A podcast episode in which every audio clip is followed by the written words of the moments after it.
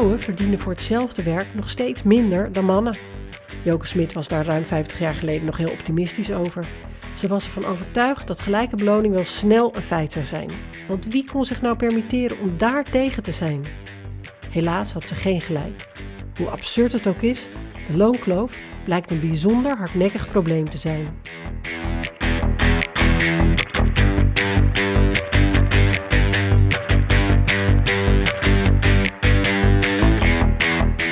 En dus verdienen vrouwen ook vandaag de dag nog steeds jaarlijks duizenden euro's minder dan hun mannelijke collega's. En als jij erachter komt dat jij minder betaald krijgt dan jouw collega, moet je nu nog zelf het gevecht aangaan. Daar komt gelukkig verandering in. Want zowel in Nederland als in Brussel is er wetgeving in de maak die het het probleem van de werkgever maakt in plaats van jouw probleem.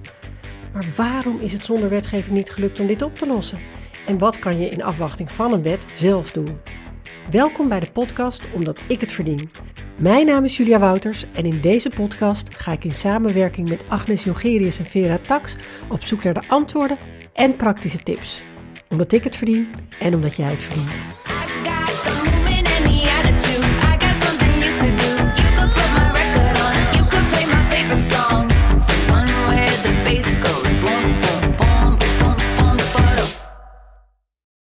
Vandaag praat ik met professor Esther Mirjam Sent. Esther Mirjam, je bent hoogleraar economie en op de website van de Radboud Universiteit zag ik dat je extra aandacht hebt voor beperkte rationaliteit, emotie en gender. En dus ben je de ideale persoon om de vragen die ik vandaag heb te beantwoorden. Maar eerst even dit. Toen Joke Smit eind jaren 60 van de vorige eeuw haar essay Het onbehagen bij de vrouw schreef, verbaasde zich dat er nog altijd bedrijfstakken waren waar vrouwen met gelijk of gelijkwaardig werk minder verdienen dan mannen. Maar ze was daar heel optimistisch over. Ze verwachtte dat die achterstelling in Nederland binnen afzienbare tijd wel zal verdwijnen, schreef ze, want het gelijke loonprincipe is aanvaard en niemand kan zich tegenwoordig permitteren voor reactionair te worden versleten. Maar hoewel er dus heus al heel veel verbeterd is, zitten we nog steeds met een loonkloof van 14%, waarvan een gedeelte van 6% onverklaarbaar is. Waarom zag ze het toen destijds verkeerd? Waarom is het zo'n hardnekkig probleem?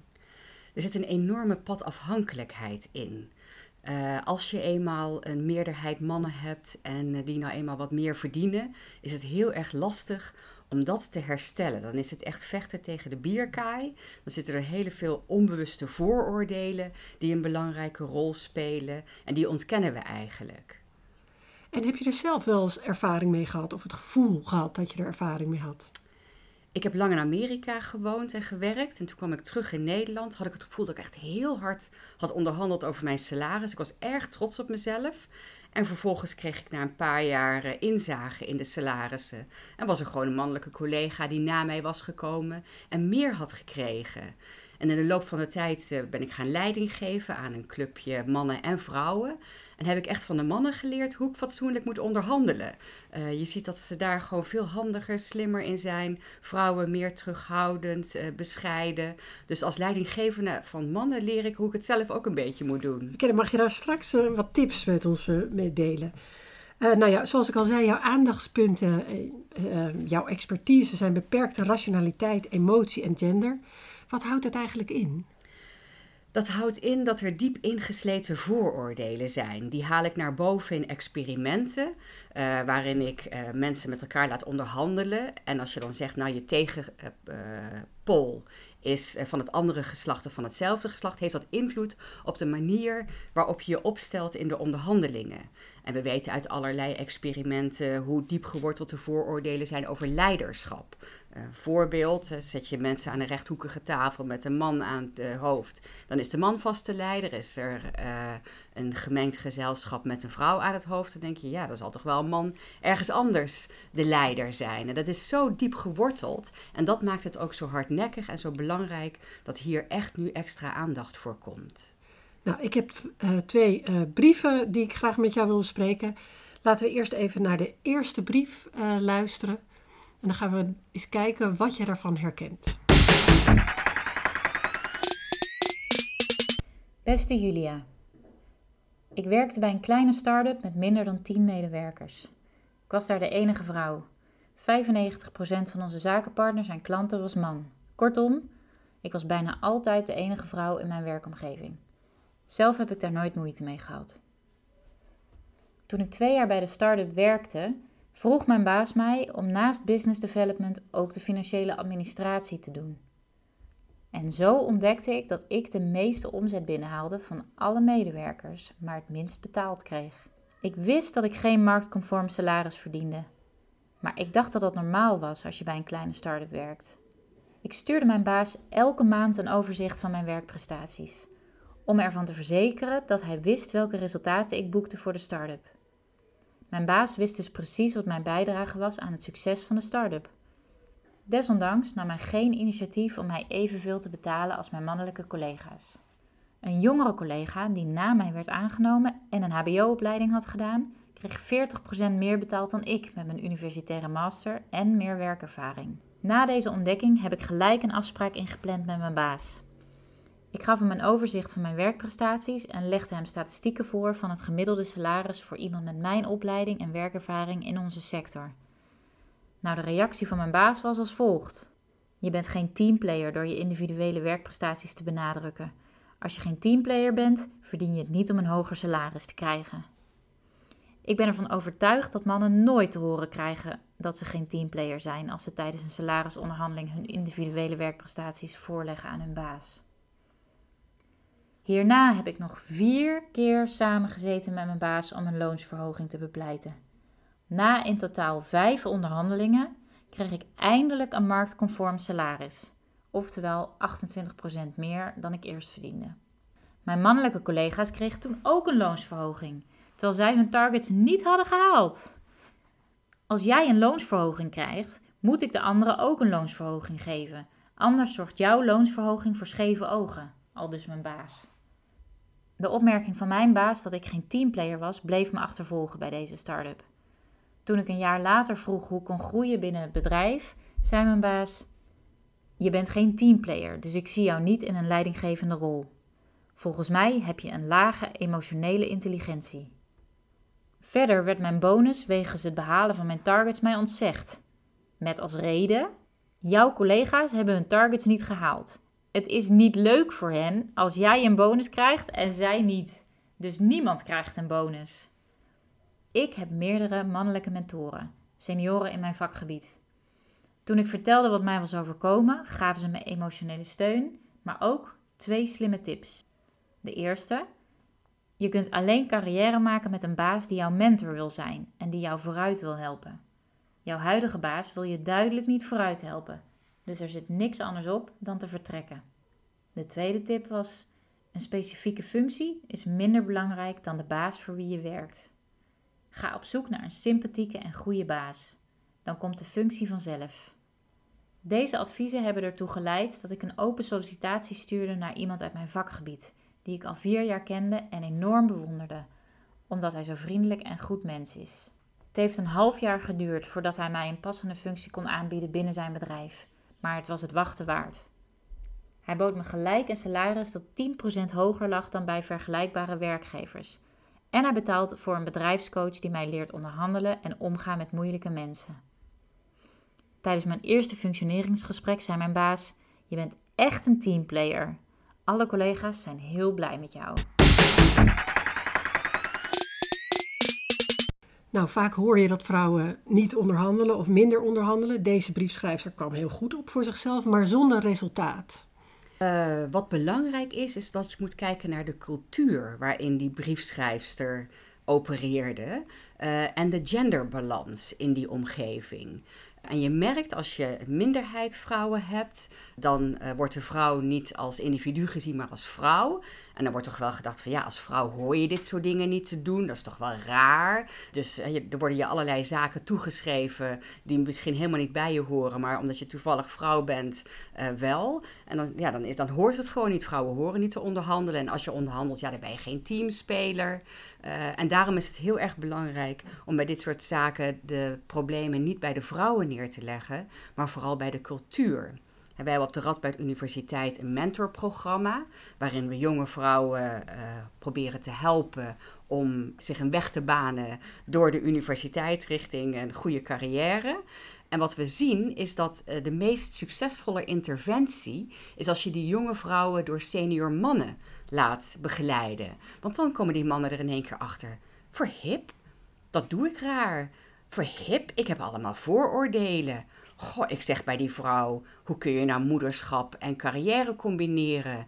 Uh, maar dat is eigenlijk hartstikke suf dat ik dat zeg. Dus het is een mentorschap waar mannen vrouwen mentoren, maar eigenlijk leren die mannen daar het meeste van. Nou, het, is een programma waar ook vrouwen vrouwen uh, begeleiden. Maar we zien dat het eigenlijk allebei de kanten op moet gaan. Hè, dat je de jonge vrouwen moet helpen. Zo doen wij uh, zaken hier op de universiteit. Maar dat je ook de universiteit moet helpen. Ja, het gaat niet helemaal goed met de manier waarop wij zaken doen binnen de universiteit. En daar is het juist goed inderdaad als er mannen worden ingezet. Dat zien we als een hele succesvolle interventie om de cultuur aan te passen. En dat moet, omdat het niet eerlijk is als vrouwen niet gelijk worden behandeld, maar het is ook economisch heel onverstandig. We weten uit allerlei experimenten dat gemengde teams de beste resultaten opleveren, dat je juist diversiteit nodig hebt om meerdere perspectieven te zien. Uh, dus het is in het belang van de organisatie om dit te doen, maar vaak zitten er zulke diepgewortelde vooroordelen dat we die kansen niet goed kunnen grijpen. Ja, want de, de briefschrijfster komt eigenlijk uiteindelijk ook tot die uh, conclusie. Met deze man, ja, er was geen beginnen aan. Die man was zo koppig in zijn vooroordelen dat ze heeft vijf keer onderhandeld. Ze heeft heel duidelijk al haar resultaten laten zien. Maar hij, wil, hij wist van geen wijken. Nee, dan had ik haar misschien geadviseerd, hè, probeer medestanders uh, te vinden. Maar dat zijn dan misschien net je conculega's die je niet uh, willen helpen in deze zaak. En het is natuurlijk in een kleine club heel erg ingewikkeld. Bij ons op de universiteit uh, spreken wij leidinggevenden erop aan en richten wij een nieuw formulier in. En in dat formulier staat meteen bovenaan, hè, wat voor zaken kom je eigenlijk tegen vanwege je geslacht, je geaardheid, je kleur. vragen we leidinggevenden om daarop te reflecteren. Hoe maak ik dit een aantrekkelijke omgeving waarin iedereen tot zijn recht komt, waarin uh, we juist diversiteit omarmen in plaats van maar één perspectief te honoreren of te respecteren. Uh, dus in een kleinere club is dat ook vaak ingewikkelder. Ja, nu kreeg deze briefschrijver ook het verwijt dat ze een lage emotionele intelligentie had. Wat moet je nou met zoiets? Ja, dat heeft ook weer met vooroordelen te maken. Hè. We denken dat vrouwen uh, warm zijn, dat ze, uh, dat ze zorgzaam zijn. Daar denken we heel erg uh, stereotyp in. daar zijn ook hele leuke experimenten om dat duidelijk te maken. Hè. Als je dan op een computer moet tikken op vrouw en rationeel, dan doe je daar langer over dan op, als je op een computer moet tikken man en rationeel. En bij vrouw en warm doe je dat heel snel. En bij een man en warm ben je langer bezig om die combinatie op de computer te vinden. Dus we hebben verwachtingen van die vrouw. We verwachten dat ze een teamspeler is. We verwachten dat ze zich opoffert voor uh, de club. En als die vrouw zich dan anders gedraagt, dan voldoet ze niet aan het verwachtingenpatroon wat we van haar hebben. Het, het staat ook wel bekend als het katten- en honden-dilemma. Hoe hou je als kat staande in een hondenwereld? Uh, je kan uh, je heel erg honds gaan gedragen, maar dan ben je toch weer een rare hond. Dus dat is die vrouw die uh, probeert net als haar mannen te onderhandelen. Ja, dat is dan toch een beetje raar. Dat past niet helemaal. Of ze kan heel erg een kat blijven, maar dan hoort ze er helemaal niet bij. Dus je doet het eigenlijk nooit goed. Je moet een cultuur hebben die divers is. Je moet een kritische massa hebben. We weten dat het rond de 30, 35 procent ligt. Als je zoveel procent vrouwen hebt, dan worden de vrouwen niet meer als vrouw gezien, maar dan worden, worden ze als individu gezien. En dan kunnen ze zacht zijn, dan kunnen ze hard zijn, dan kunnen ze warm zijn, dan kunnen ze kil zijn. Uh, maar nu is die ene vrouw de uitzondering die hoort uh, warm te zijn, die voldoet niet aan het stereotype. En haar leidinggevende kan daar niet mee omgaan, omdat hij niet een divers team heeft waar de goede voorbeelden in te zien zijn. En zich dus ook helemaal niet bewust is van zijn eigen seksisme. Zijn dit nou onbewuste vooroordelen of is dit gewoon seksisme? Het, het kan een beetje van allebei zijn. Het is, uh, je, je, kunt zeggen, ja, dat, dat hoort gewoon niet zo. Uh, maar je kunt het ook wel weer goed praten, omdat je het wel kunt begrijpen als je in zo'n omgeving functioneert, dat je dan zo opereert. Dus ik zou het een beetje van allebei. Uh... Deze briefschrijver komt tot de conclusie dat ze gewoon weg moet. En zij heeft het advies gekregen van mensen om haar heen: een goede basis is belangrijker dan een goede baan. Ga naar, op zoek naar een bedrijf met een andere cultuur. En het mooie is dat ze eindgoed al goed daar het, uh, de feedback kreeg dat ze zo'n enorm goede teamspeler is. Nou, dit is haar persoonlijke ervaring, maar ik kan me voorstellen dat er wat in zit. Dat je, als je in zo'n soort omstandigheden zit, dat de beste oplossing is om dan maar weg te gaan. Want als je het toch niet goed kan doen, of je nou hard of zacht onderhandelt, dan wordt het wel heel moeilijk. Ik begrijp heel goed waarom ze daarvoor heeft gekozen. Een andere route die open zou kunnen liggen is: zorg dat je meer diversiteit in het team krijgt. Zodat jij niet meer die ene vrouw bent die de uitzondering is. Uh, wederom, als we weten dat er een balans is, dan heb je ook de ruimte om te onderhandelen, om je op te stellen. Niet alleen uh, naar de verwachtingen die er zijn over de manier waarop je je gedraagt als je een vrouw bent. Dat heb ik hier ook gedaan op de universiteit. Ik heb nu een uh, leerstoelgroep die uit half mannen en half vrouwen bestaat. Als er een nieuwe vacature is, dan ben ik degene die zegt: uh, we moeten er een zin aan toevoegen dat we kandidaten die onze diversiteit vergroten uh, een extra streepje voorgeven. Dus je kunt ook proberen de strijd binnen je organisatie aan te gaan, medestanders te vinden. We hebben nu op de universiteit een netwerk vrouwelijke hoogleraren. Uh, we spreken de universiteit erop aan als alle heren zijn professor-dokter en de dames waren mevrouw professor-dokter. dan is de man de standaard en dan ben ik de uitzondering. dus ik vind het ook wel leuk om zo een beetje de strijd aan te gaan en die onbewuste vooroordelen er zo een beetje uit te, te kieperen. Ja, maar ik kan me voorstellen dat als je eenmaal professor-dokter bent, dat het makkelijker is om zo'n strijd aan te gaan dan als je gewoon maar een van de medewerkers in een klein bedrijf bent. Ja, die vrouw had natuurlijk nadeel dat ze de enige vrouw was in een hele kleine club. Um, deze keer heb ik een tweede brief, omdat die zo mooi in uh, contrast staat met de eerste brief. Laten we daar even naar luisteren. Deze vrouw had een hele andere ervaring met haar leidinggevende. Ik werkte al een flink aantal jaar bij dezelfde baas. Het was mijn eerste werkgever, maar in de loop van de tijd had ik promotie op promotie gemaakt en ik had het er reuze naar mijn zin. Tijdens een achterloos gesprek met een nieuwe mannelijke collega noemde hij tussen neus en lippen zijn salaris. Mijn mond viel open van verbazing.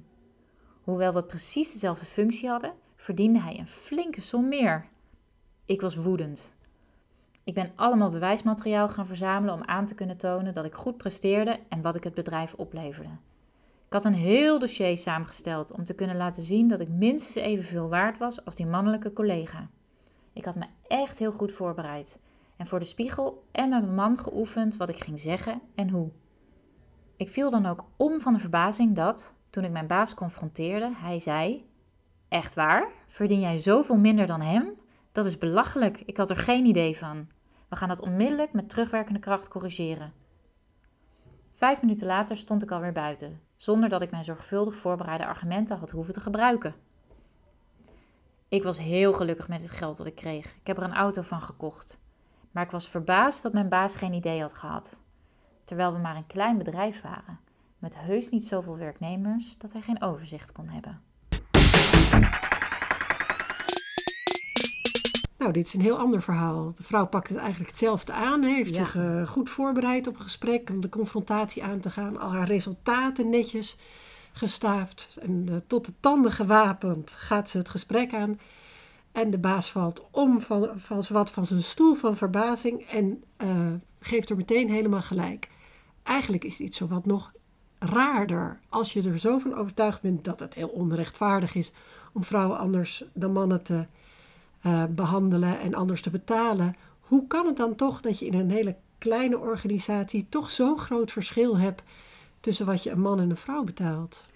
Nou, we zijn ook heel erg goed in allerlei smoesjes verzinnen. Hè, waarom vrouwen minder verdienen. We hebben hier op de universiteit ook een onderzoek gedaan naar uh, salarisverschillen. En dan gaan we allemaal verklaringen zoeken. Uh, en de smoesjes die variëren van, hè, dat is toch een vakgebied waar de salarissen lager zijn. Of ja, die uh, vrouw die heeft toch wat minder ervaring. Uh, die is er even tussenuit geweest. Ja, dat kunnen we niet allemaal uh, gelijkelijk belonen. Dus we zijn ontzettend goed in het verklaren en raken daarmee het zicht kwijt op de vooroordelen die wel degelijk een rol spelen. En het fijne van deze leidinggevende is dat hij het ziet. Uh, die andere leidinggevende zag het niet. En je kunt je ook afvragen hoe komt dat. En we weten ook bijvoorbeeld dat leidinggevenden die zelf dochters hebben, dat die echt uh, veel beter zijn in dit soort zaken zien dan leidinggevenden die zelf geen dochters hebben. Dus de belangrijke les om hier uit te trekken is dat als vrouw kun je heel erg veel doen en moet je er ook voor inzetten. Uh, maar je moet je ook ervan bewust zijn dat het niet allemaal bij jou ligt en dat je ook net inderdaad geluk moet hebben in een leidinggevende die daar gevoelig voor is. Het is heel erg spijtig om dat te constateren. We moeten ook voortdurend van alles eraan doen om die leidinggevende in positie te brengen dat ze er wel bewust van zijn. Maar juist omdat het vaak onbewust is, is het zo hardnekkig en ingewikkeld om weg te krijgen. Ja, het lijkt me ook heel ingewikkeld om iemand ermee te confronteren, om het op de vrouw te spelen. Dus om te zeggen, ik heb het gevoel dat ik als vrouw minder verdien. Dat, dat, ik kan me voorstellen dat veel mensen daar, uh, veel vrouwen zich daar geremd in voelen om het daarop te spelen. Ja, want uh, ook als je weer in de minderheid als vrouw bent, dan uh, doe je het nooit goed. Hè? Ofwel je bent uh, bitchy en competent, maar onaardig. Ofwel je bent aardig, maar je, je, je functioneert niet fatsoenlijk. Dus als vrouw is het heel erg ingewikkeld om daarin een goede balans te vinden. vooral in een omgeving waar je zelf de minderheid bent. En de oplossing is een kritische massa vrouwen en diversiteit. En gelukkig heeft uh, de briefschrijfster nog een andere oplossing. Maar ja, daar moet je maar net geluk mee hebben. En dat is een leidinggevende die, als die erop gewezen wordt, toch ook wel zich ervan bewust is hoe onbewust er veranderingen of vooroordelen een rol spelen in de beloning van dames. Je geeft een aantal eh, soort van aanbevelingen wat je moet doen, maar dat, eigenlijk is dat heel ingewikkeld. Want je zegt er moeten kritische massa vrouwen zijn voordat dat verandert. Als individu is dat natuurlijk heel moeilijk. Dus je kan je daarvoor inzetten. Hè? Dus zorg dat er meer vrouwen eh, aangenomen worden als er een vacature is.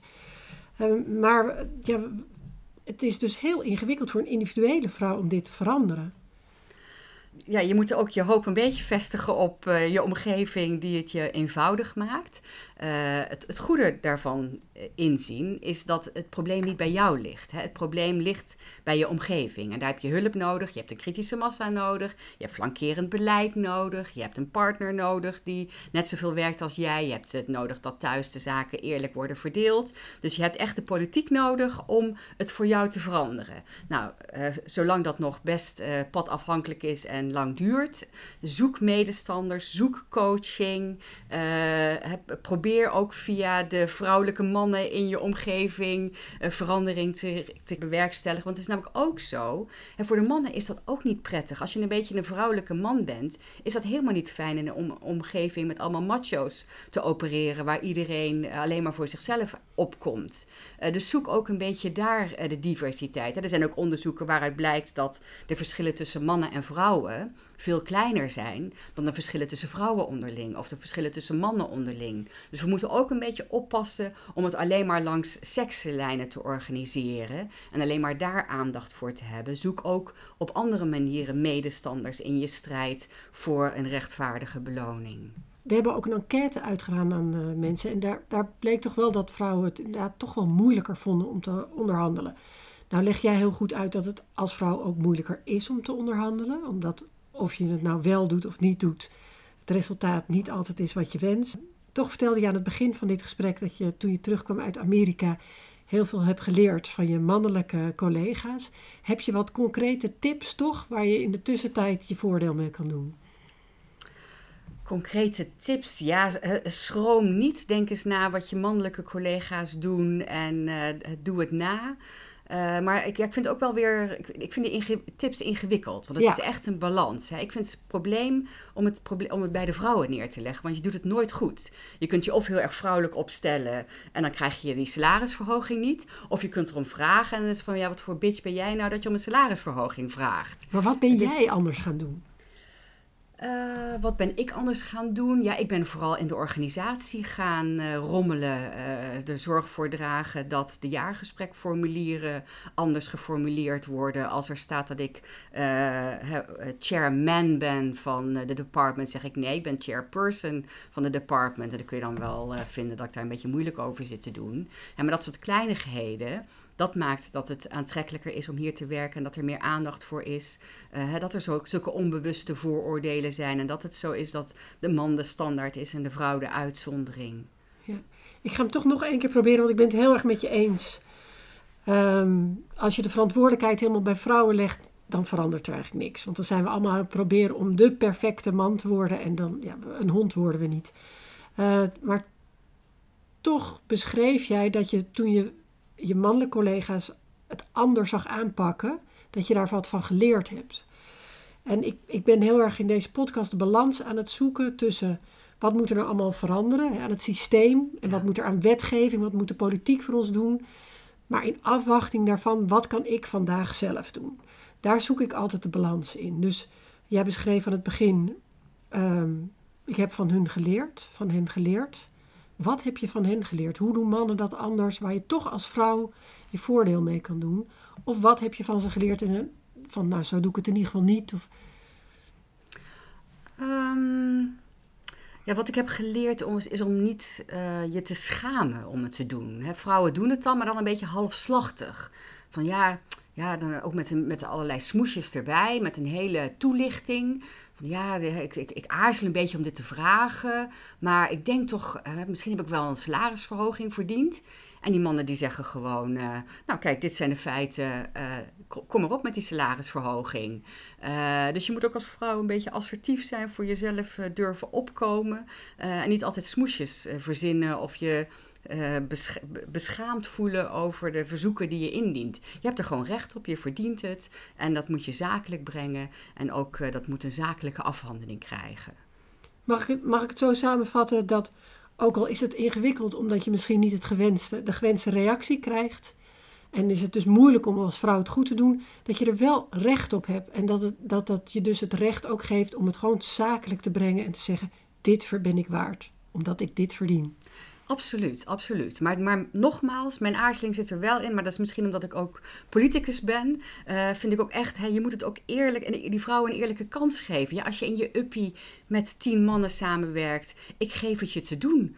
Uh, om op te staan als ze allemaal denken: ja, dat is die warme vrouw die in één keer zakelijk gaat zitten onderhandelen. Dat is mega ingewikkeld. Je hebt echt medestanders nodig. Je hebt echt een cultuur nodig waarin dat uh, omarmd wordt. Je hebt echt mannen nodig die wat minder werken, thuis wat meer uh, uh, aandacht hebben voor de zorgtaken. Je hebt echt een situatie nodig waar ook vrouwelijke mannen zich kunnen manifesteren en op kunnen staan. Dus ik vind ook echt het belangrijk om aandacht te hebben voor die cultuur, voor die structuur, voor die omgeving. Ik denk dat de politiek daar sterk aan zet is.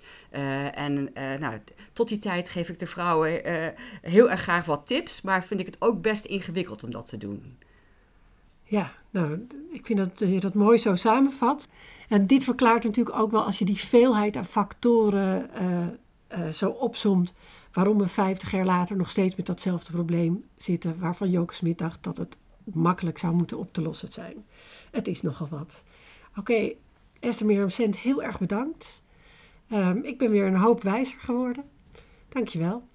Graag gedaan.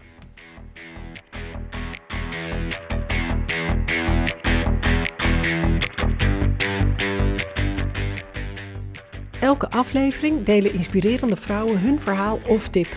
En dit is de tip van. Dit is de tip van Lilianne Ploemen. Wat echt helpt is informatie. Kijk, in Nederland praten we makkelijker over seks dan over ons salaris. Dat is best gek. Want je kunt alleen maar weten of je wel genoeg verdient ten opzichte van je collega als je ook over je salaris praat. En als je je collega durft te vragen, wat, wat verdien jij? Uh, we vinden het hartstikke moeilijk. En uh, we doen er wel heel stoer over, maar weinig mensen willen erover praten. Ik was vorig jaar bij een programma van uh, Merel Westrik, Ladies Night. Toen ging het over mijn initiatiefwet, hè, oplossen van de loonkloof tussen mannen en vrouwen. En daar zaten vijf echt hartstikke leuke, stoere vrouwen. En niemand van hen wilde zeggen wat ze verdienden. Ja, zo komen we natuurlijk niet verder. Dus ik zou tegen iedereen willen zeggen: de belangrijkste tip is: praat net zo makkelijk over je salaris als over je seksleven. Dankjewel voor het luisteren. Je kunt omdat ik het verdien blijven volgen op sociale media. Je kunt ook de website bezoeken op omdatikhetverdien.nl. En hier kan je jouw verhaal delen, vind je veel informatie en houden we je op de hoogte van evenementen. Ook kan je hier de petitie ondertekenen om te laten weten dat jij het ook hoog tijd vindt dat Joke Smit, weliswaar 50 jaar te laat, toch nog gelijk krijgt en we de loonkloof zo snel mogelijk in het museum kunnen zetten. Vergeet ons niet te volgen op Spotify en de podcast te delen met anderen, zodat zij die ook kunnen vinden. Want vergeet niet, ik verdien het, jij verdient het, we verdienen het allemaal.